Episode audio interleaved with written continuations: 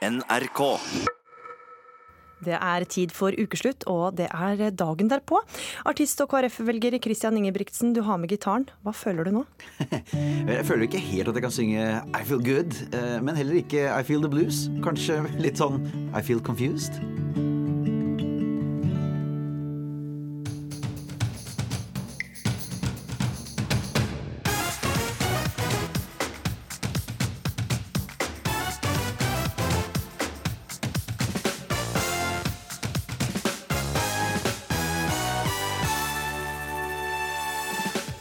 Det varsla politiske jordskjelvet kom aldri, men ligger KrF likevel i ruiner? Og hadde Hareides røde prosjekt noen gang en sjanse? Det er dagen derpå for dem som håpa på endring. Han ble trukket fram i Hareides eh, framtidsvisjon. Kanskje er det Simen Bondevik som en gang leder partiet inn i en Arbeiderparti-Senterparti-regjering. En gang i framtida. Men vil Simen fortsatt være i partiet etter gårsdagens veivalg? Og folk må boikotte Thailand som ferieland for å få slutt på sexturismen i landet, mener programleder i svenske Luksusfellen. Det vil bare føre til mer fattigdom, svarer Thailand-turist nummer 26 millioner.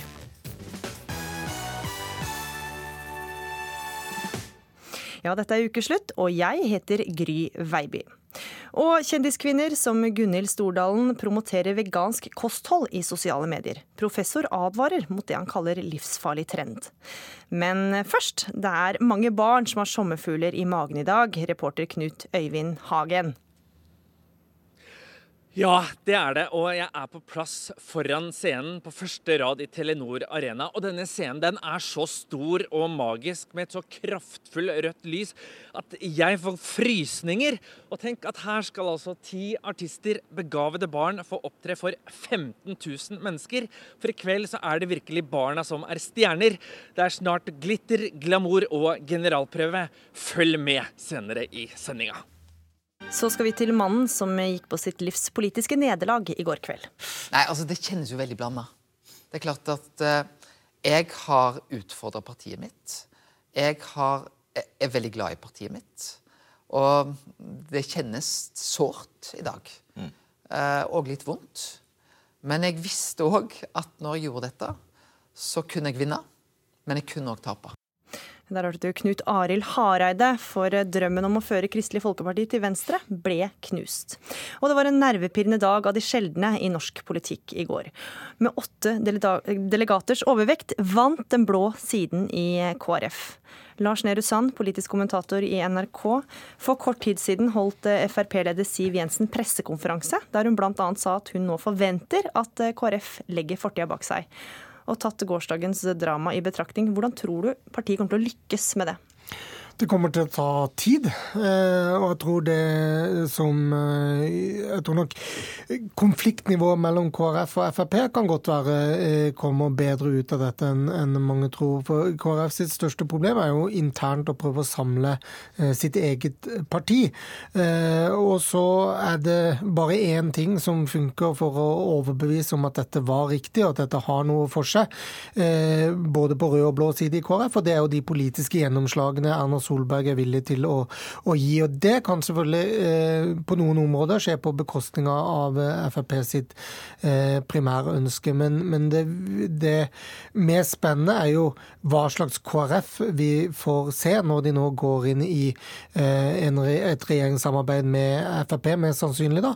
Eh, hvor mange blir med på den ferden? Hvor mange trekker seg tilbake? Ikke bare melder seg ut, men lar være å stille til gjenvalg ved kommunevalget rundt omkring i, eh, i Norges land neste år. Tone Sofie Aglen, politisk redaktør i Adresseavisen. Ja, hva slags eh, KrF er det du, du tror vi kommer til å se nå? Vi har jo fått avdekka hvor utrolig splitta KrF er. Og, og, det er så mange nå på venstresida som er oppriktig skuffa og lei seg. Og det ville vært omtrent like mange som har vært lei seg hvis det har blitt det motsatte resultat. Eh, jeg tror det blir en formidabel oppgave for eh, partilederen å samle partiet. Jeg tror nok ikke at den røde sida vil gi opp drømmen så lett. Og jeg tror det blir veldig viktig at man klarer å samle hele partiet om et regjeringsprosjekt, og at det ikke bare blir for de blå. Mm. Sann, hadde Hareides røde prosjekt noen gang en sjanse til å lykkes? Ja, det hadde det, men, men fordi han har klart å, å, skape en ny giv i, i deler av partiet. Og, og, det var også jevnt, og noen vil jo si tilfeldig også, at det ble som det ble. Både med disse fire delegatene mange mener Rogaland skylder inn i, i, på rød side, og, og da et sykdomsforfall på et møte i, i Vestfold. Så det viser jo hvor nærme han var. Men det viser også, som Aglen er inne på, at partiet er jo de facto splittet på midten, så det kunne eh, vippet den ene eller andre veien. Det mest interessante synes jeg med disse ukene etter Hareides eh, første landsstyretale, det var jo at han har vunnet mange nye velgere. Det har kommet, nei, nye medlemmer. Det er mange som har meldt seg inn. Men mange, mange av dem har sagt på... at de kommer til å melde seg ut igjen nå? Jo, jo, fort. men poenget var bare ønsker noen at KrF skulle gå til venstre. Og det da mener at når han får nye innmeldinger Han, eh, han mobiliserer deler av grasrota, men han mobiliserer ikke nok av de som eh, har makt i partiet sitt. Eh, der er det en overvekt av, av, blå, de som betyr noe, som stemmer. Og nå vet vi jo ikke hvor representativ fylkesårsmøtene faktisk var, mm. men det gjorde i hvert fall inntrykk på meg å være til stede i Stavanger på et av disse debattmøtene før, og høre hvor, særlig selv i et presumptivt blått fylke, da, hvor stor eh, det røde mindretallet var. Så han hadde, selv i de blå fylkene, betydelig røde mindretall. Eh, så han kunne ha lykkes, men gjorde de altså ikke.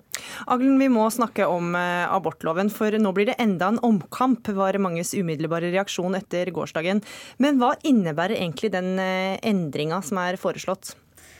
Det er jo to endringer som, som, vil diskuteres. Det ene er jo den her 2C, eh, som handler om senaborter dersom det er eh, Eh, noe i veien med fosteret. Her eh, tror jeg at det kan komme en endring i ordlyden, men jeg har veldig vanskelig for å se for meg at det blir endra en praksis.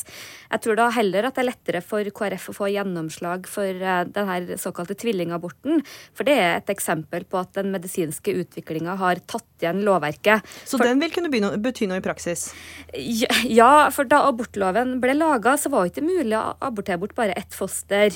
Derfor så er det etiske argument for å justere det lovverket, men det her vil jo angå ekstremt få.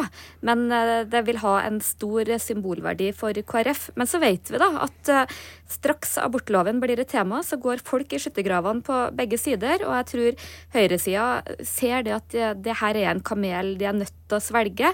Skal de fortsette regjering, uansett hvor heslig den smaker. Mm, så det er eh, duka for mange kamper på kammerset, og også i hele det politiske Norge. Takk for at dere var med i Ukeslutt, Tone Sofie Aglen, politisk redaktør i Adresseavisen, og Lars Nehru Sand Sand, politisk kommentator her i NRK.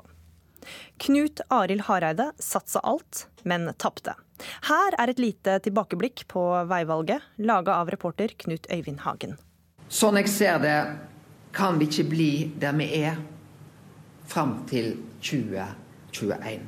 Mor og far Hareide støttet sønnens overraskende valg. Noe måtte han gjøre, og han har gjort det, så han tror er det beste for partiet.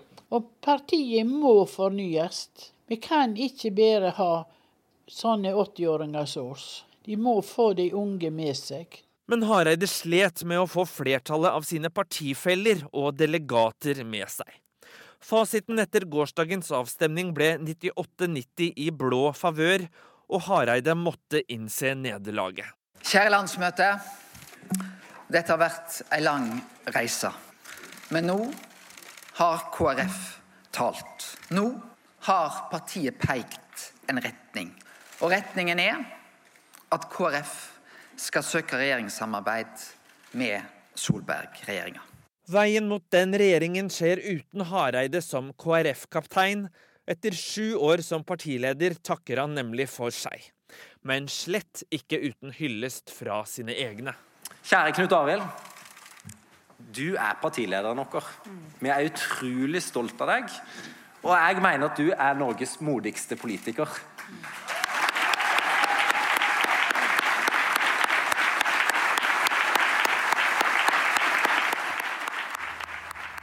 Leder i Akershus KrFU, Simen Bondevik. Hvordan har du det nå?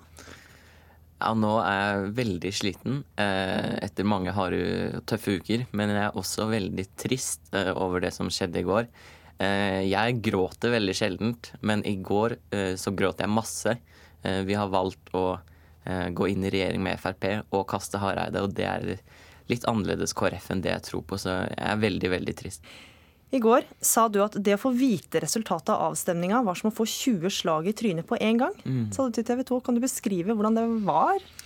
Ja, så Nå har vi jo mange uker bak oss, alle vi i KrF, med lokallagsårsmøter, fylkesårsmøter, og så var det dette avgjørende landsmøtet som alt til slutt eh, bygde seg opp mot. Eh, og jeg så jo før landsmøtet på opptellinger som medier hadde gjort, at det lå jo an til blå seier, eh, men det ble veldig tøft, og det kom veldig hardt når Hareide sa at han, han, eh, han trekker seg som partileder hvis ikke hans syn vinner frem. Så det er veldig, veldig tøft for meg å innse at det partiet mitt nå har gjort, er å kaste Hareide for å gå i regjering med fløypartiet Frp. De står så langt unna fra alt jeg tror på, så det er veldig tøft. Mm. Mm. Vi skal eh, høre hva Knut Arild Hareide sa om deg etter eh, avstemninga som viste at det ikke gikk hans vei. I dag hørte jeg Simen Bondevik på landsmøtetalerstolen. Da husker jeg hvordan daværende statsminister på vårt landsmøte i Stjørdal omtalte nettopp Simen Bondevik. Han fortalte om barnebarnet sitt, som var så liten at han kunne holde han i hånda si. Og tanken slo meg. Kanskje er det Simen Bondevik som en gang leder partiet inn i en Arbeiderparti-Senterparti-regjering en gang i framtida. Simen Bondevik, eh, i går så sa du at du ikke var sikker på om du vil fortsette i partiet etter dette, og nå har du sovet på det. Hva, hva mener du nå? Kan du bli en ny partileder? Jeg har fortsatt ikke helt bestemt meg for hva som blir fremtiden min i KrF. Eh, Altså, Først og fremst så tenker jeg det at jeg meldte meg jo inn i KrF pga. politikken. At jeg tror på politikken til KrF og ikke samarbeidspartnerne. Eh, det er jo den gode politikken vår som er det viktigste for meg.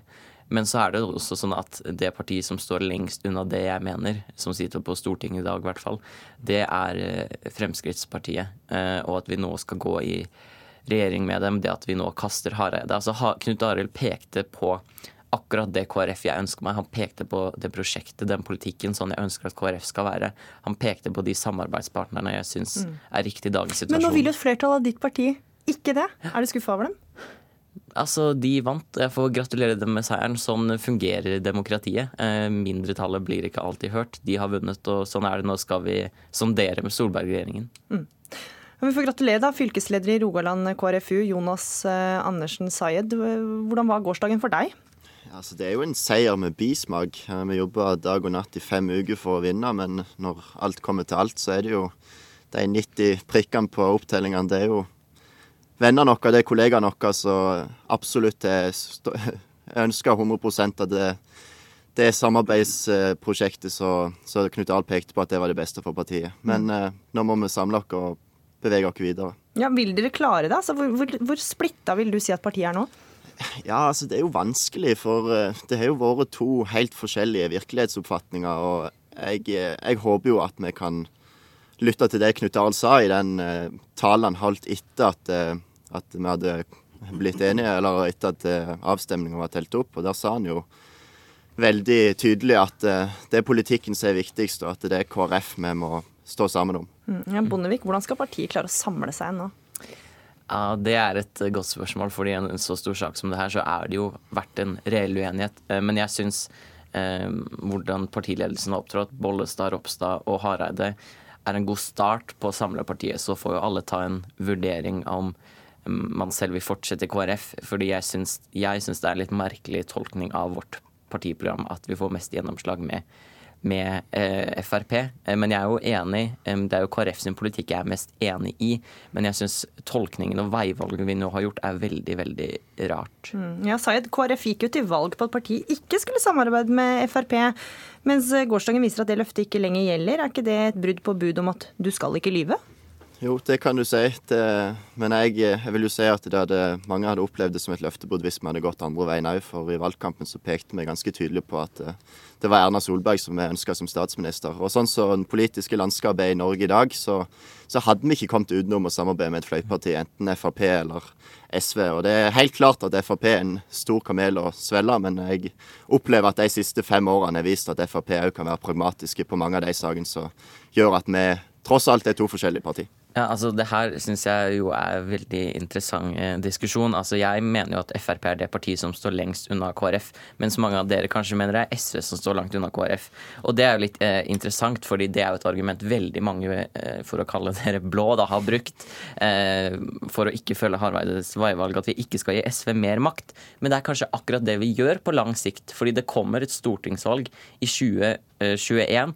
Og det er veldig lite som tyder på at eh, Erna Solberg, og vi vet ut fra historien i Norge, at statsminister blir sjelden gjenvalgt tre ganger på rad. Eh, og i 2021, hvem tror du Jonas Gahr Støre kommer til å velge?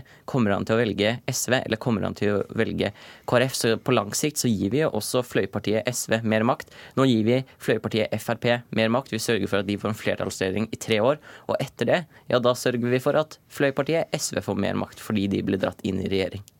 Ja, Til det siste først så er jeg jo overhodet ikke enig med at vi gir Frp mer makt gjennom å velge sånn som vi gjør. For når vi går inn i regjering nå, så vil vi trekke regjeringen mot sentrum, og vi vil få gjennomslag for enda mer KrF-politikk. Eh, også til SV så, så har jeg jo registrert at det siste døgnet så har det kommet flere utspill fra politikere på venstresida om at det, det, kanskje var like greit at KrF ikke ble med på lasset. For eh, det er jo helt tydelig at det er mange ting som gjør at eh, KrF tradisjonelt og de siste årene har samarbeida med partier på høyresida av norsk politikk.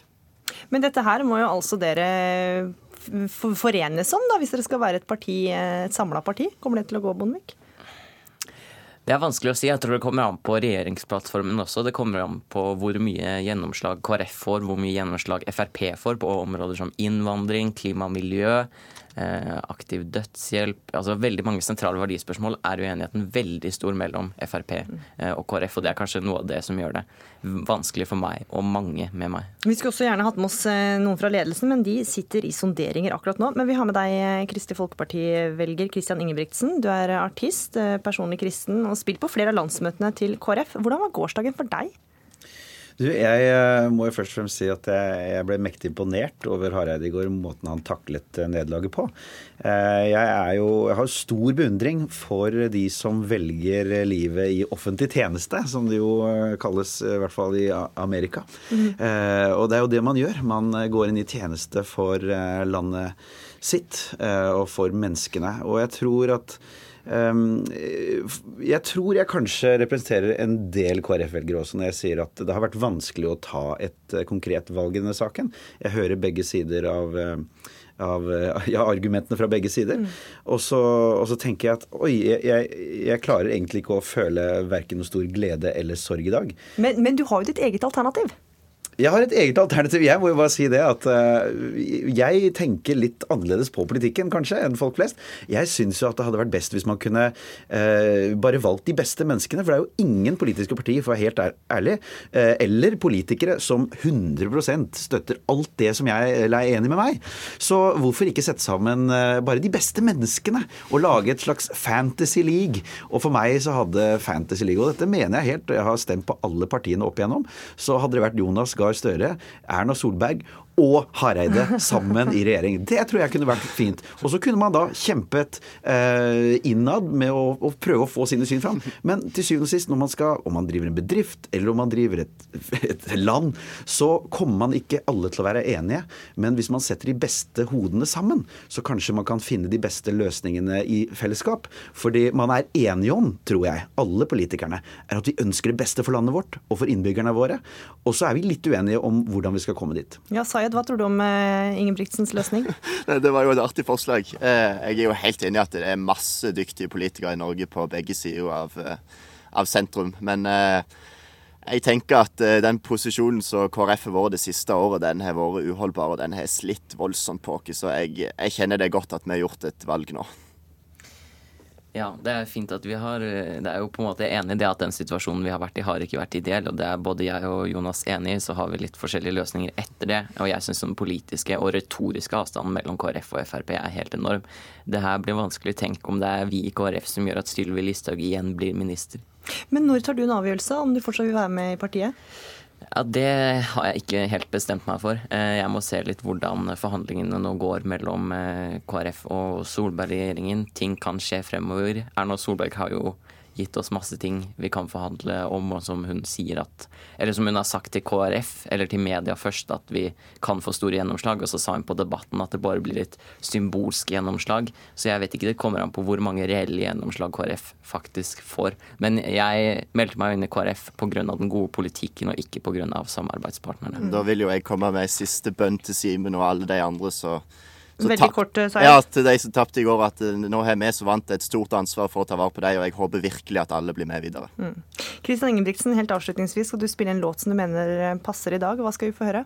Du, jeg skal jo rundt omkring i kirker i eh, landet med juleturneen Julenatt nå, og jeg skal da synge en av de sangene fra den turneen som handler jo om at eh, ja, Jeg håper virkelig, Simen, at du fortsetter å engasjere deg politisk og ikke gir opp, selv om ikke ditt syn ble eh, vant fram denne gangen. Eh, For vi trenger sånne som deg. Vi trenger eh, Jeg tenker at eh, det viktigste i livet er jo det vi kan legge igjen for verden og for menneskene som vi bryr oss om. Så jeg tenkte jeg skulle ta en liten sang om det, da. Som handler om at vi kan ikke ta med oss noe herfra. Det vi tar med oss, er det vi legger igjen. Vær så god. Jeg har strebet etter overflod og rikdom. Men jo mer jeg eide, vant jeg aldri nok. For jeg jaget bare vinden, og jeg følte samme tomhet. Jeg kan ingenting ta med meg herifra. Bare det jeg har gitt fra meg før jeg drar. Jeg forsynte meg av alt som jeg begjærte. Og jeg nektet mine øyne ingenting. Men jeg jaget bare vinden, og jeg følte samme tomhet. Jeg kan ingenting ta med meg herifra. Bare det jeg har gitt fra meg før jeg drar. Det jeg fant, er at rik, det blir den som gir. Og at lykken er den å bli elsket igjen. Når jeg kjenner etter ydmykhet og visdom. Og jeg elsker de omkring som meg selv. Blir jeg løftet opp av vinden, og mitt liv får større mening. Jeg vil ingenting ha med meg herifra. Bare det jeg har gitt fra meg før jeg drar.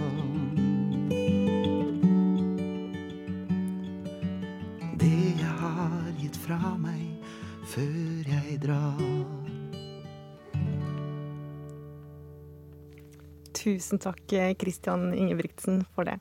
Takk også til deg, Simen Bondevik, Akershus KrFU, og Jonas Andreassen, Andreassen Sayed, fylkesleder i Rogaland KrFU.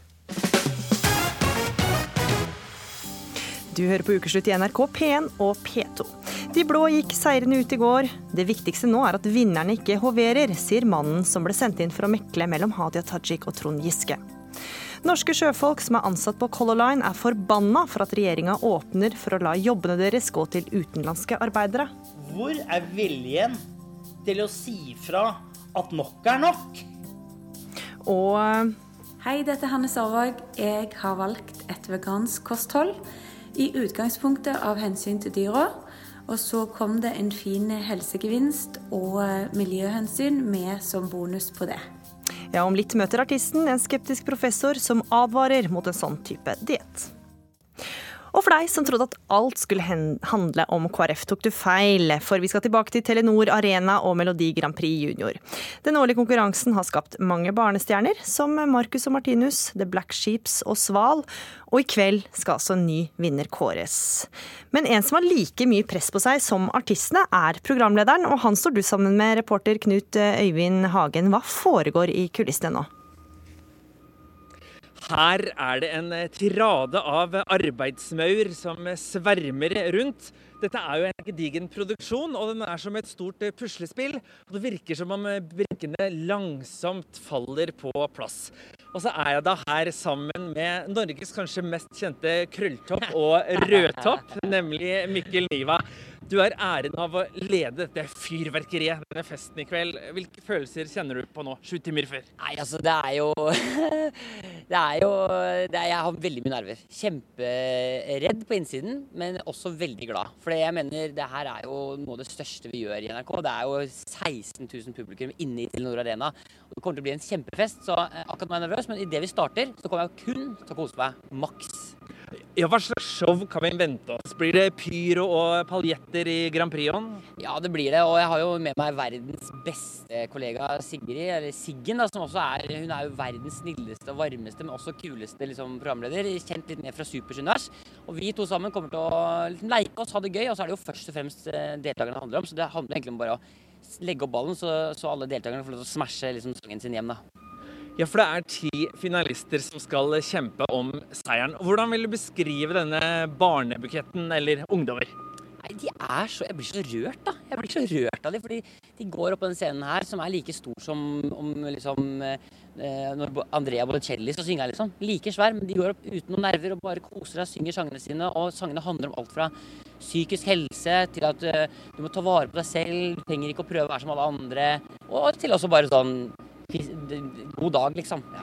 Kan vi ikke til slutt bare få en liten test? Eh, gjør din første replikk med stor innlevelse. Ok. Velkommen til Melodi Grand Prix Junior 2018! Og med det erklærer Mikkel som klar. Han bare vet ikke helt selv ennå. det hørtes i hvert fall veldig lovende ut. Eh, reporter Knut Øyvind Hagen, vi kommer til å høre fra deg litt seinere også.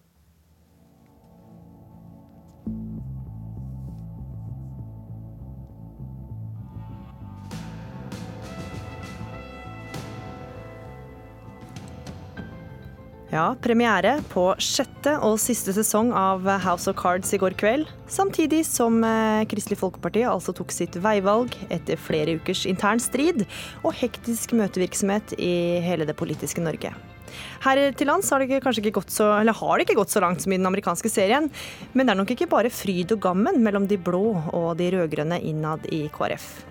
Thomas Nesset Middelfart, du er psykolog og har jobba med politikere tidligere. Og før vi går til konflikten i KrF. Du ble hyra inn for å mekle mellom de to Ap-nestlederne Hadia Tajik og Trond Giske, kan vi lese i boka 'Alle skal ned'. Hvordan vil du si at det gikk? Jeg tror vi skal overlate til Arbeiderpartiet å kommentere på akkurat den saken.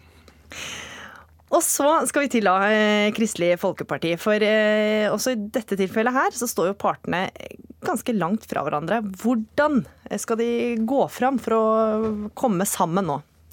Altså det, er, det, er, ikke noe tvil om at jeg tenker dette er en krevende utfordring for, for KrF. For det, for det, er ikke bare en interessemotsetning her, det er jo en verdikonflikt. Og alle vet at eh, verdier det er noe som vekker følelser i oss. Det er jo noe vi brenner for. Det er det vi er villige til å gå på bålet for.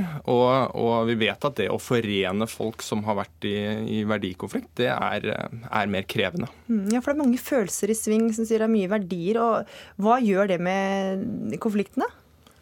Ja, altså du, Ofte så, så, blir man jo det vi kaller amygdala hijacka da, når man, når man, er i, er, man, er i, man, er i, konflikter der hvor man blir frustrert eller irritert, eller hvor noen eh, går på tvers av egne verdier. Og, og, det første vi mister da, det er jo evnen vår til eh, det som heter perspektivbevegelighet. Altså evnen til å se synspunkter fra andre, andre ståsteder enn sitt eget. Så noe, noe av det viktigste man må nå for å komme videre, det er jo å gå litt fra debattmodus til eh, dialogmodus. da, der mm. man lytter litt med hverandre, er litt mer nysgjerrig på hverandre og prøver å bygge bro da, mellom eh, de ulike meningene og synspunktene. Ja, for du drar sammenligninger inn til parforhold.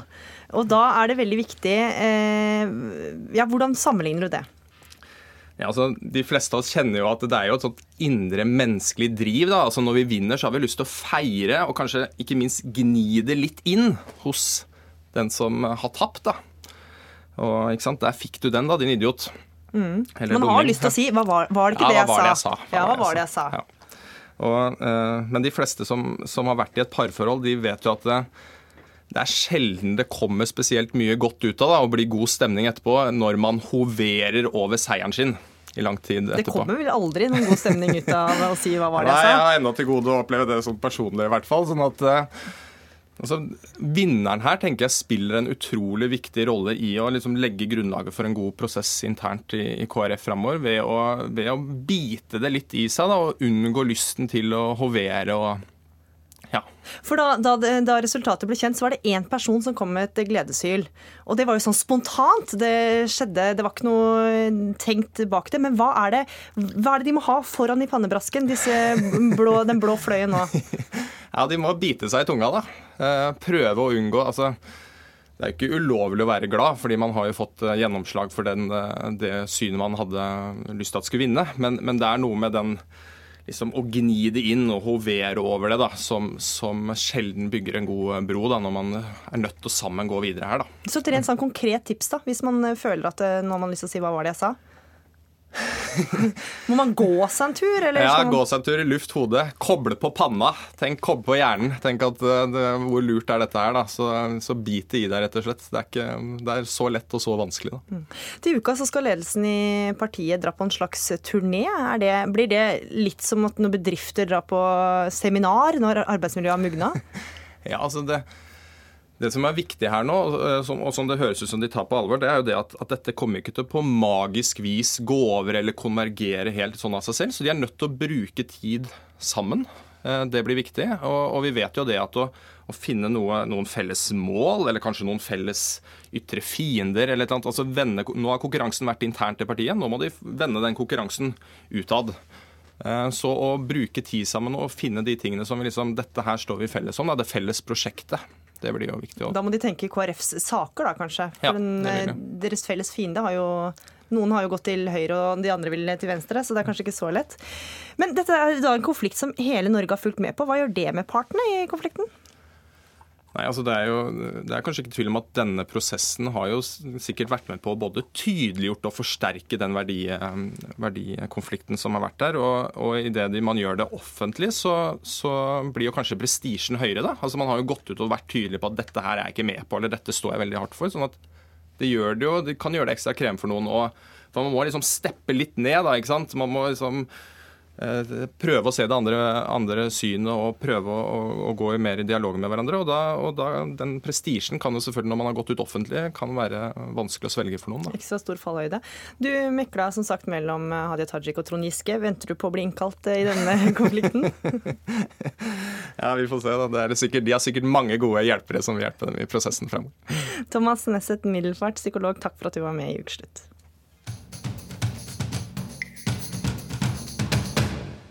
Da skal vi ha en nyhetsoppdatering her i Ukeslutt. Oda Holm Gulbrandsen, du har kommet inn i studio. Hva er siste nytt? Ja, Siv Jensen sier hun er klar til å gå inn i regjeringsforhandlinger med KrF. Forhandlingene de er venta å bli eh, spesielt tøffe, og da særlig mellom eh, Frp og KrF. Jensen sier at hun vil ha gjennomslag for sin politikk. Vi skal høre mer fra Siv Jensen eh, i Ukeslutt snart, men hva mer er det som skjer, Oda? I USA så er det mellomvalg på tirsdag, og alt nå så har mer enn 31 millioner amerikanere forhåndsstemt. Det er et eh, høyt tall, og det tyder på at det er stort engasjement rundt årets valg. Og Veronica Orderud hun føler at dagboknotatene hennes fra tiden rundt drapene på Orderud gård ble overdrevet. I dagboken så skrev hun at hun ønsket at svigerforeldrene døde, og det ble lest opp under rettssaken. I den nye episoden av TV-dokumentaren om trippeldrapene så sier Veronica Orderud at notatene er tatt ut av sin sammenheng, og episoden den kan du se i NRK TV-appen fra i morgen tidlig, eller på NRK1 i morgen kveld. Takk til deg, Oda Holm Gulbrandsen. Fremskrittspartiet holder eh, høstkonferanse i dag, og der er du eh, partileder, Siv Jensen. Du holdt nylig en tale om eh, veien videre. men også om KrFs veivalg. Og hvordan reagerte du da det ble kjent at blå side i KrF vant? Jeg er selvfølgelig veldig glad for at eh, vi nå har muligheten til å sette oss ned og prøve å se om vi lykkes i å forhandle frem en eh, flertallsregjering på ikke-sosialistisk side. Så jeg er veldig glad for den beslutningen KrF tok i går. Ja, du sier allerede nå at det kommer til å bli tøffe forhandlinger. Hvilke saker eh, kan KrF nå bare glemme at de kan få med? Nå har ikke jeg for vane å løfte enkeltsaker i forhandlinger frem i media. Jeg tror vi har en større mulighet for å lykkes hvis vi holder de forhandlingene bak lukkede dører. Men det jeg er helt tydelig på, er at jeg har respekt for at Kristelig Folkeparti har eh, saker de ønsker gjennomslag for. Men jeg kan forsikre om at det kommer Fremskrittspartiet til å ha også. Eh, vi vil også ha gjennomslag. Det er eh, derfor vi vil være i regjering. Det er for å få gjennomslag for mest mulig av vår egen politikk. Nestleder i KrF Kjell Ingolf Ropstad sier han vil kreve minst tre statsråder statsråder i en ny regjering. Hva, hva sier du til det? Nå er det ikke min jobb å dele ut uh, statsrådsposter. Uh, og jeg mener jo også at vi først må bli enige om politikken. Blir vi det, så detter nok alt annet på plass også. Mm. Knut Arild Hareide har jo sagt at uh, veivalget skyldes mye pga. dine fargerike statsråder og politikere og friske utspill. kommer dere til å ikke ha så mange friske utspill i framtida, eller kan dere ture på nå som han er ute? Fremskrittspartiet kommer til å fortsette med det vi alltid har gjort. Ha en klar og tydelig tale. Fortelle det norske folk hva vi mener er de riktige svarene på utfordringene Norge står overfor. Men jeg har jo gitt uttrykk i dag for at jeg er skuffet over Knut Arild Hareide. Vi har også samarbeidet svært godt i mange år. Eh, vi har inngått kompromisser som også har betydd store gjennomslag for Kristelig Folkeparti. Og jeg tror at det var mye av årsaken til at eh, Kristelig Folkeparti landet der de gjorde i går. Men jeg er skuffet over at Knut Arild etter så langt samarbeid eh, velger en helt annen vei. Men syns du han da overreagert på utspill fra dine statsråder?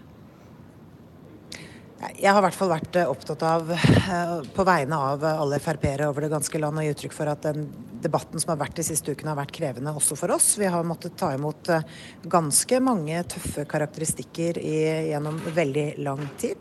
Men som jeg også sa til vår høstkonferanse i dag, vi vender det andre kinnet til. Nå setter vi oss ned og ser på grunnlaget for å eh, kunne samarbeide mer og tettere. Mm.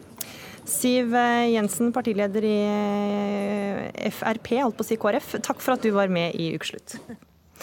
Det er på tide å boikotte Thailand som ferieland. Det skriver programleder i den svenske luksusfellen Frida Boysen i en kommentar i avisa Ekspressen denne uka. Hun vil ta et oppgjør med menn som reiser til Thailand for å kjøpe sex, og med myndighetene i Thailand som lukker øynene for denne ulovlige virksomheten. Og Frida Boysen, hvorfor er en turistboikott svaret på dette problemet? Ja, men eh, som det ofte er, pengar pratar, money talks och vi kan inte låta detta bara pågå. Jag läste precis ett fruktansvärt reportage i Expressen där en frilansjournalist hade gått in under huden och levt en månad med sexköpande turister från Norden. Och det är helt fruktansvärt att höra de här berättelserna om hur män ser kvinnor som köttstycken i princip. Det är som att köpa ett kilo fläsk, känner, eh, säger en, en av de här sexköparna. Jag känner vi kan inte bara längre stå och se på när detta försiggår. Vi måste gripa in och visa med handling att vi vill stoppa detta. Och då tycker jag att detta är en tydlig signal till Thailands regering att sluta blunda för sexhandeln och göra någonting. Ta hand om polisen, låt det bli, liksom, hända saker. Det kan inte bara få fortgå. Mm. Tony Jepson, du har reist eh, mye til Thailand og ble av thailandske myndigheter kåra som Thailands luckiest visitor i 2015. Altså, du ble rett og slett besøkende 26 millioner for eh, tre år siden. Hva tror du en turistboikott av Thailand Thailand ville ført til? Nei, altså Det er jo bare en helt uh, håpløs uh, aksjon. Fordi at det vil jo ramme alle de andre. Det vil jo også øke, mener jeg, da, prostitusjonen der nede. Fordi at restauranter vil miste besøk og bli lagt ned. Handelsindustrien går ned osv. osv. Vil bli mer, mye færre folk i sysselsetting. Som vil føre at, til at de som er svake, går til det tiltak, tiltaket og måtte prostituere seg for å, få, for å få penger til å overleve. Mm, Så jeg tror at det er en sanksjon som bare er helt håpløs. Ja, Boysen, altså en boikott vil føre til flere arbeidsledige og flere ute i prostitusjon? Nej, så kommer det ju inte att bli. Utan vi måste ju göra någonting för att förändra detta.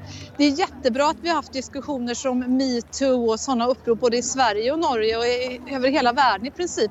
Men det är som att när vi flyger ner till Thailand så checkar vi in alla de värderingarna på flygplatsen och lämnar dem hemma. Men Det du sier at det ikke vil bli sånn, men hvordan kan du vite at det ikke kommer til å føre til flere i prostitusjon? Hvis arbeidsledigheten øker? Ja men självklart så måste vi ju göra någonting. Vi kan ju inte bara stå och se på. Är det så att man är orolig för att, att vi kommer att ha ännu fler i fattigdom som kommer att tvingas ut i prostitution.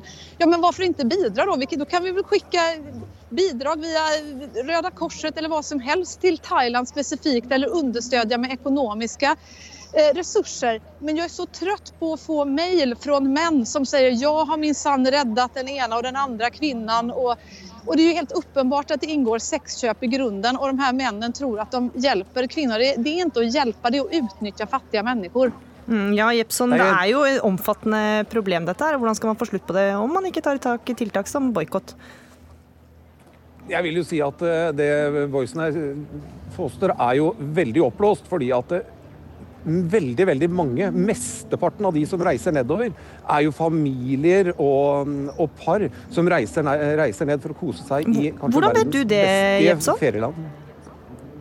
Hvordan vet jeg? Det ser man jo veldig, veldig veldig lett når man, når man går rundt. Det er jo, det er jo par og, og familier som reiser på familietur. Man ser det på hotellene som man bor på, man ser det på gatene, man ser det på restaurantene.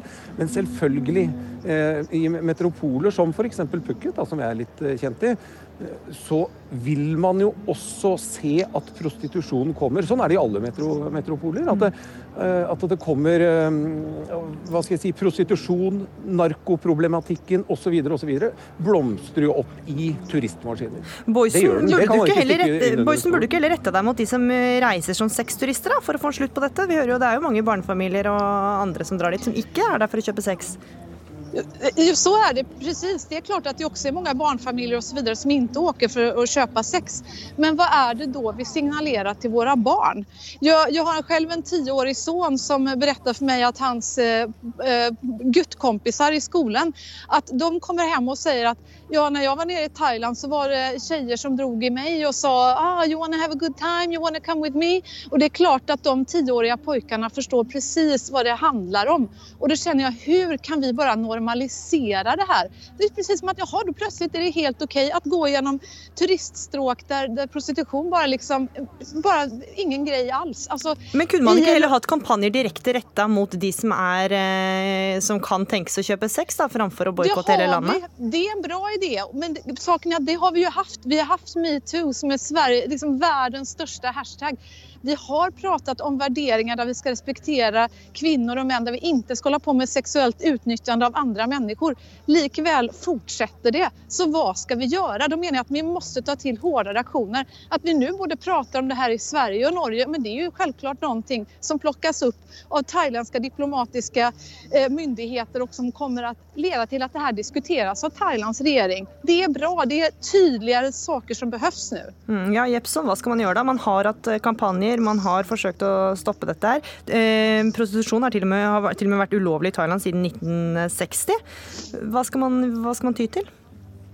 Jeg tror at eh, holdningskampanjer til de som reiser ned, det er vel det som skal til. Men Eh, Boysen sier jo at det ikke fungerer. at- Det vil selges fortsatt eh, sex, og det kjøpes fortsatt eh, sex. Du vet hva, det vil det alltid gjøre. Det har gjort det siden, eh, siden tidenes morgen, og prostitusjon, vil man aldri bli kvitt. Men vil det si at man bare skal gi opp, da, Jepsen? Jepson? Nei, nei, det mener jeg ikke. Eh, Altså, jeg mener jo at kampanjeskapende holdninger er jo det man må, må kanskje satse på. fordi at hvis etterspørselen blir borte, Jo, så ja, er det jo heller ikke noe marked, marked for det. Jeppsson, jag, jag håller med dig om att man ska fortsätta med sådana saker, men det räcker ju inte. Thailändska myndigheter och polisen blundar för prostitutionen. Man gör ingenting åt det. Det finns en eh, undersökning från ILO som visar att var hundrade kvinna i Thailand lever i prostitution. Att det är väldigt många barn som lever i prostitution. Jag, jag tycker inte det känns ärligt att vi bara fortsätter att åka dit, att vi blundar precis som de thailändska myndigheterna när vi har möjlighet att faktiskt göra något konkret. Visa en bojkott, visa tydligt att ni får ta tag i det här problemet.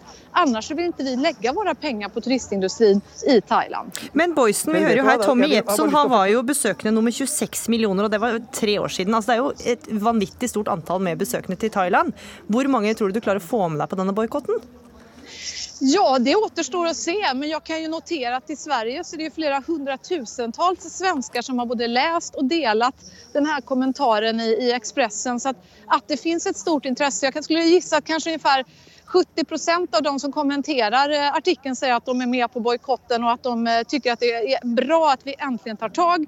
Och sen så är det då såklart eh, män som säger att eh, hur var det med Gambia då? Och som vill, vill prata om andra saker och som vill säga att det här, det här skulle inte spela någon roll och så vidare. Och så vidare. Men jag kan säga att merparten tycker att det är en god idé att vi gör någonting och att vi faktiskt har tagit den här problematiken och står upp för kvinnor och barn i Thailand. Jepson? Men jeg har, jeg har lyst til å spørre om én ting. Jeg kjenner Boysen til holdningen som kongen har i forhold til turisme i Thailand? Jo men absolut, alltså ord är ju en sak. Hva var den holdningen? At det er ulovlig? Nei, han ønsker jo ikke turisme til Thailand. Når eh, kongen døde, den gamle kongen døde for eh, to år siden, så var jo folk veldig veldig bekymra. Fordi at eh, den nye kongen er totalt imot turisme. Han er ikke interessert i den thailandske turismen overhodet. Så han vil jo egentlig bli glad av en sånn, av sånn boikott. Ja, men turistministern i Thailand sa ju redan för två år sedan ungefär att hon skulle ta krafttag mot sexturismen. Men det stannade ju mycket vid ord. Man skulle ju behöva se mer handling. Att det finns ord som säger att man vill ta tag och rensa upp, det är en sak, men det blir ju bara ord. Ord räcker inte för att förändra världen. Men du fikk i hvert fall jeg, eh, jeg, jeg, støtter ikke, jeg støtter ikke prostitusjonen, jeg, altså, men jeg er imot en sanksjon som En- disse blokadene som Boysen her eh, sier. Ja. Men- vi, men vi får men se, da. Frida utro- Boysen, programleder i Lyksfella. Nå har du jo fått uh, kommet med budskapet her i Ukeslutt. Uh, kanskje flere kommer til å legge ferieturen et annet sted. Takk for at du var med i Ukeslutt, uh, og takk også til deg, Tommy Jepson. Vi skal tilbake til eh, Telenor Arena, hvor årets store slagersirkus og talentkonkurranse for de yngste finner sted, nemlig Melodi Grand Prix Junior. Og reporter Knut Øyvind Hagen, du står sammen med to av deltakerne som eh, skal forsøke å synge seg inn i hjertene til store og små i kveld. Hvordan står det til med nervene deres? Det er en del sommerfugler i magen, det har de nettopp fortalt meg. Men så får de en generalprøve klokka tre, hvor de kanskje får ristet av seg noen av disse nervene. Og de har i alle fall smeltet hjertet mitt allerede. Jeg tror det er både hjertesmeltere og hitmakere på gang. Først til deg, Ada. Du er eh, Lillestrøm-jente på 13, kommer fra en musikkfamilie, og du ser jo helt smashing ut. Gul øyenskygge, glitter i håret. Hvordan vil du selv beskrive antrekket? Nei, antrekket er jo liksom militært og gult og svart, ikke minst. Og så er det liksom Har jo liksom hjerter blant annet på det, så det er liksom noe for alle, da. Og Fredrik, du er tolv år og kommer fra Nord-Odal, som meg, en hedmarking. Eh, hva skal du ha på deg? Jeg skal ha på meg en kul rød jakke med en hvit T-skjorte under og svarte bukser og gullskor. Så har jo begge dere veldig visjonære tekster. Du ble inspirert av metoo-kampanjen om nettmobbing, Ada. Hvorfor ble du inspirert av det? Um, at jeg liksom syns det er urettferdig at noen mennesker har makt over andre. Og da, vi, da jeg skrev sangen min, så hadde vi mye om metoo og nettmobbing på skolen, da. Så det var litt der det kom fra. Og du synger 'Jeg vil være en venn'. Hvorfor er vennskap viktig for deg, eh, Fredrik? Jo, vi hadde jo om det mye på skolen og slik, så, vi, så jeg tenkte liksom på det temaet som var mest eh, liksom interessant, eller altså mest interessant i dag, da. Og det var jo det med mobbing og å være en god venn og føle seg utafor og det, alt det rundt det. For å oppsummere. Klokka 19.50 så får vi musikalsk magi, barnesmil og batalje, sirkus og staffasje. Ja, en deilig underholdningskompott. Og jeg er ganske sikker på at det blir som i den nye Hollywood-filmen A Star Is Born Tonight. Da er det bare å glede seg og ønske alle artistene lykke til. Reporter Knut Øyvind Hagen, tusen takk. Du hører på Ukeslutt i NRK P1 og P2. Kjendiskvinner som Gunhild Stordalen promoterer vegansk kosthold i sosiale medier. Professor mener at det er livsfarlig, og at man kunne dødd av å kun spise planter hvis man levde for 100 år siden. Og norske sjøfolk som er ansatt på Color Line er forbanna for at regjeringa åpner for å la jobbene deres gå til utenlandske arbeidere. Hva tenker du om eh, veganere? Eh, Jeg tenker at det er veldig eh, bevisste folk som eh, tar dyrevern på alvor og dyrs rettigheter på alvor. Jo, øh, det er sikkert fint en periode, det. Øh, Men jeg tror øh, kanskje ikke vi i nord klarer å leve fullt helt på det. At vi trenger litt kjøtt og fisk innimellom. Jeg tror det er ganske sunt, ja, for de- du får jo i deg mye proteiner og vitaminer gjennom f.eks. bønner og linser og sånne ting. da. Jeg tenker at de er litt sarte. og, og bleke. Eh, Jeg syns det blir litt sånn sært. Du kan snart ikke gå et sted uten å høre noen i køen spørre om havremelk i kaffen, eller noen som ber om kjøttfri burger, for vegansk mat er blitt superpopulært. For kort tid siden la Gunhild Stordalen ut et bilde på sin Instagram-profil hvor hun sier at plantebasert mat gir henne mer energi. Men ifølge ernæringsprofessor vil du ha dødd av et slikt kosthold, som kjendiskvinner promoterer, hvis du levde for 100 år siden. Og Birger Svius, du er professor i ernæring ved Norges miljø- og biovitenskapelige universitet på Ås. Og bare først, altså Det er jo ikke alle som vet hva det vil si å ha en eh, vegansk diett. Hva inneholder det? Altså, eh, veganere de vil ha seg frabedt eh, animalske produkter på tallerkenen. Det er ikke minst kjøtt, men det gjelder ikke bare kjøtt. Det gjelder òg eh, melke, melk og melkeprodukter, egg og fisk. Eh, så det er totalt forbud mot eh, animalske produkter. Mm, Og du advarer mot dette kostholdet. Hvorfor det?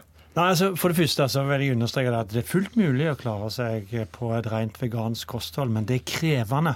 og Det er derfor jeg advarer eh, hvermannsen i å prøve dette. Fordi hvis du skal bli veganer, så må du sørge for at du har god kompetanse, og du må sørge for at du tar de tilskuddet eller de spesielle ingrediensene som kreves for å erstatte de viktige næringsstoffene som ellers animalsk kost eh, bidrar med. Mm.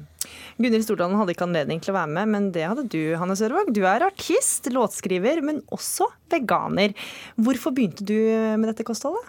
Det kom først i utgangspunktet for dyra. Eh, Jeg fikk innblikk i disse forskjellige industriene og valgte vekk animalske produkter pga. det. Og så har jeg etterpå det eh, fått en stor helsegevinst av det. Det var enklere enn jeg trodde. Og så er jeg veldig opptatt av miljø òg, så det er òg viktig for meg i dag. Alle de, alle de tre tingene. Mm. Hvordan reagerer du da når eh, professor eh, Birger Svius sier at det kan være farlig? Eh, Det han sier akkurat nå, er jo egentlig mest at det kan være litt krevende.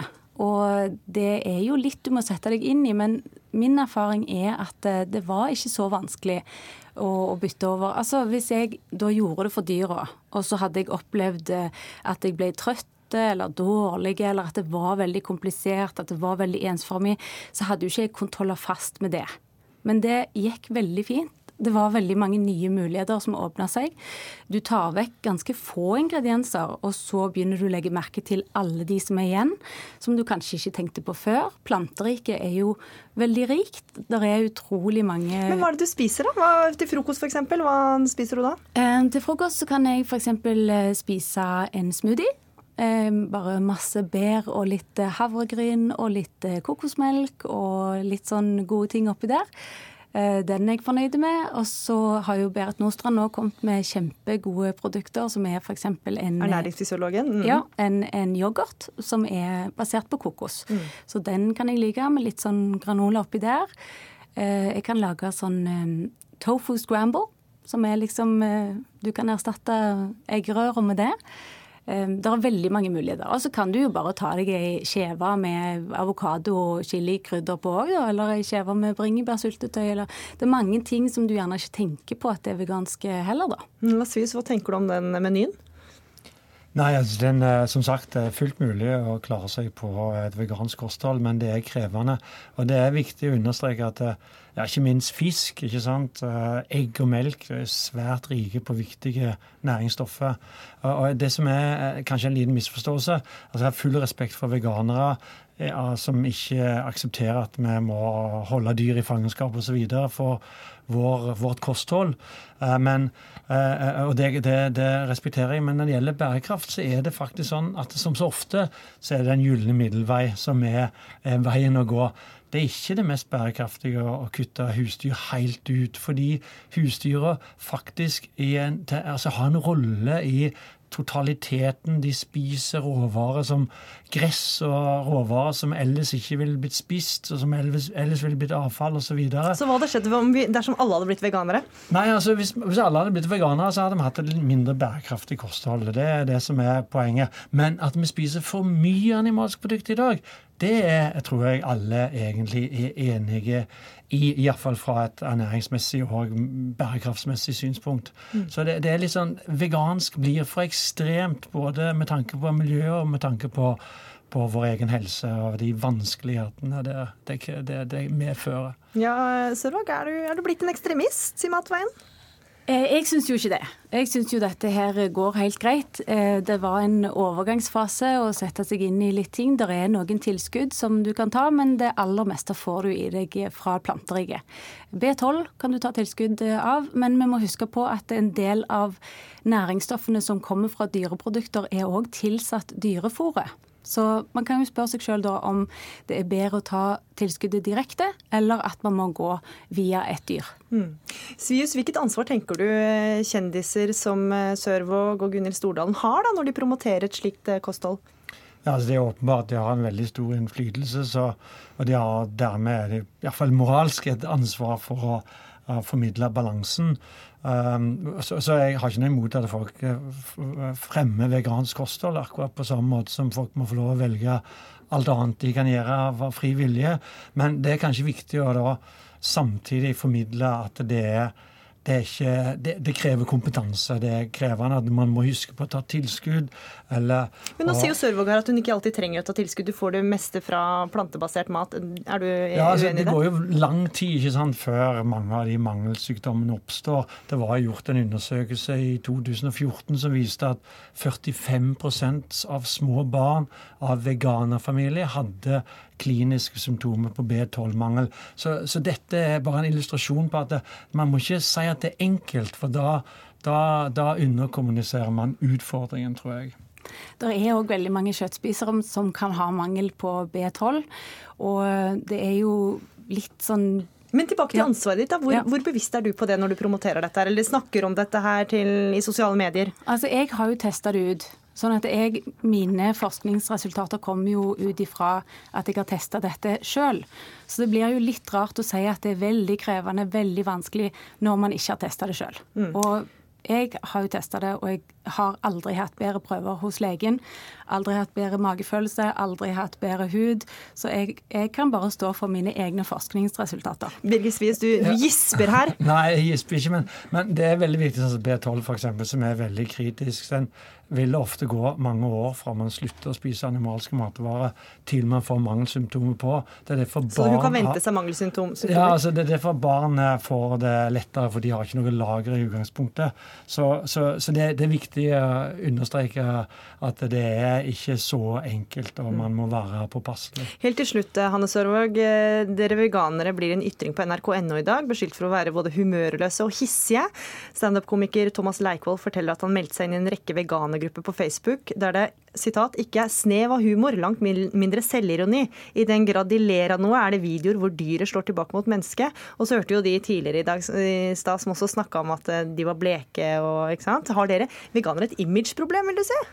Eh, jeg kan jo forstå at noen veganere blir eh, det som man kaller for sinte veganeren, akkurat i prosessen i overgangen. fordi når du får innblikk i hva dyra går igjennom i disse industriene, så er det ikke rart at man kan bli litt sinte. Men eh, etter en stund så har jo jeg nå veldig mange gode venner som er veganere, og de, de er ikke spesielt sinte. Men kanskje blir man framstilt sånn av de som er motstandere. Du var ikke så veldig sint, da fikk du motbevist eh, kanskje inntrykket som mange har. Ja, men det var noe godt. Ja, Hanne Sørvåg, artist, takk for at du var med i Ukeslutt. Takk også til deg, Birger Svius, professor. Norske sjøfolk ansatt på Color Line er blant dem som har fulgt med på KrF-thrilleren. Et regjeringsskifte ville nemlig kanskje ha redda 700 jobber om bord på Color Lines eh, Kiel-ferger. Reporter Julia Afshari Kaasa har snakka med én av dem som kan miste jobben. Altså Hvis du etter å ha mottatt støtte i 15-20 år ønsker å ta med deg hele greia di til utlandet fordi du ikke tjener nok, så mener jeg det at eh, kyss meg bak. Dette her er Rolf Erling Hetty. Han er bartender på Color Line og som du hører, ganske sint på regjeringen. Det er fordi at de vil la Color Line erstatte han og 700 andre skipsarbeidere med billigere utenlandsk arbeidskraft. Hvor er viljen til å si fra at nok er nok? Regjeringen har gitt grønt lys til å la Color Line erstatte 700 skipsarbeidere med utenlandsk arbeidskraft, fordi selskapet hevder at de ellers vil være nødt til å flytte driften til Danmark. Dersom Color Line flytter til Danmark, er det ikke 700 arbeidsplasser som står på spill, men 2500. Og det å miste jobben Jeg tror ikke jeg helt klarer å ta det inn over meg nå. Fordi det aldri har skjedd meg før. Jeg har aldri blitt sagt opp fra en jobb før. Spesielt ikke Altså, det er jo ikke pga. at jeg har gjort en dårlig jobb. Denne uka skrev sønnen til Rolf Erling et innlegg i Aftenposten om at han er bekymra for farens fremtid. Eh, jeg tenkte på familien min. Jeg er redd for at vi skal sitte uten At faren min skal sitte uten en jobb og uten inntekt til familien. Det er levebrødet vårt. Vi har et huslån. Vi har én eh, inntekt. Vi er rett og slett veldig avhengig av at pappa har den jobben han har. Men 16 år gamle Christian Hetti er også bekymret for sin egen fremtid. Fordi han går nemlig på skole i Stavanger for å bli sjømann selv. Utflaggingen her da, setter jo litt presedens, og jeg vil jo tro at det vil komme rederier etterpå som ønsker å flagge ut eh, sine båter. Og jeg tror at det kommer til å ødelegge for mine fremtidsmuligheter. Der helt vanvittig å stå her i dag og se dere stå her i det været vi har, i sympati. På tirsdag denne uka hadde LO Agder en aksjon for de ansatte i Color Line, som står i fare for å miste jobben. Selv om det blåste så kraftig at faklene sluknet, hadde 150 ansatte møtt opp for å høre appell fra hovedtillitsvalgt i Sjømannsforbundet, Ronny Øksnes. For det er sånn at den kommer saken. den handler om mennesker. Den handler om familier. Den handler om så mye. 700 ansatte vil kunne miste jobben. Næringsminister Torbjørn Røe Isaksen ville ikke la seg intervjue til denne saken, men han hadde dette å si til NRK i slutten av mai i år. Color Line har tidligere sagt at eh, de, i likhet med alle andre eh, fergerederier i Norge, står i fare for å flytte ut av landet. Og da kan 2500 arbeidsplasser bli, eh, bli borte for Norge. For at utflagginga av de norske arbeiderne om bord på Color Line skal skje, krever det en forskriftsendring fra regjeringen. Og den endringa vil regjeringa gjennomføre, og sier selv at de velger å la 700 jobber gå tapt fremfor 2500. Vi har gått gjennom alle deler av denne saken flere ganger. Så hvis man er uenig, er det greit. Men regjeringas politikk ligger fast. Vi mener at dette handler om 2500 arbeidsplasser som i verste fall kan flytte ut av landet. En av årsakene til at Color Line mener de trenger denne forskriftsendringen, er et ønske om forutsigbare rammevilkår for driften i fremtiden snakker om forutsigbarhet. Eh, hvor er forutsigbarheten min når jeg skal ut i et arbeidsmarked som jeg ikke har noen anelse om hvordan fungerer? Jeg er 52 år. Hvor er min forutsigbarhet hen? Rolf Erling mener at Color Line ikke trenger noen større profitt eller bedre driftsresultat enn hva de allerede har. Men det er vel naturlig at Color Line, som alle andre bedrifter, ønsker å tjene mest mulig på virksomheten sin. Altså, jeg jo ønsker meg mer penger. Alle, alle, ønsker at de har litt bedre råd hele tida. Og det det er menneskelig. Men når du sitter og har mottatt faktisk milliarder i støtte gjennom 15-20 år, da tenker jeg som så at OK, jeg ville vel kanskje ha gitt litt tilbake. Det er et samfunnsansvar her. Color Line har i flere år mottatt subsidier fra staten, bl.a. gjennom nettolønnsordningen. Og den ordningen sørger for at staten refunderer beløpet sjøfolket betaler i skatt, slik at rederiene i virkeligheten bare betaler ut nettolønn. Når man mottar, så må man også gi. Man kan ikke bare sitte med handa ute og få. Dersom Rolf Erling mister jobben, blir det største tapet å miste kollegaene. En gjeng som han bor sammen med, spiser med og lever sammen med i de to ukene av gangen han er på jobb. Det beste med jobben min er alle de gode kollegaene som jeg har. De er fantastiske. Hvis jeg noen gang eh, mister jobben der, så blir jeg veldig lei meg. For det er kanskje Det er det beste med hele jobben. Ukeslutt er slutt. Ansvarlig for sendinga Kari Li, teknisk ansvarlig Frode Thorshaug, og her i studio Gry Veiby.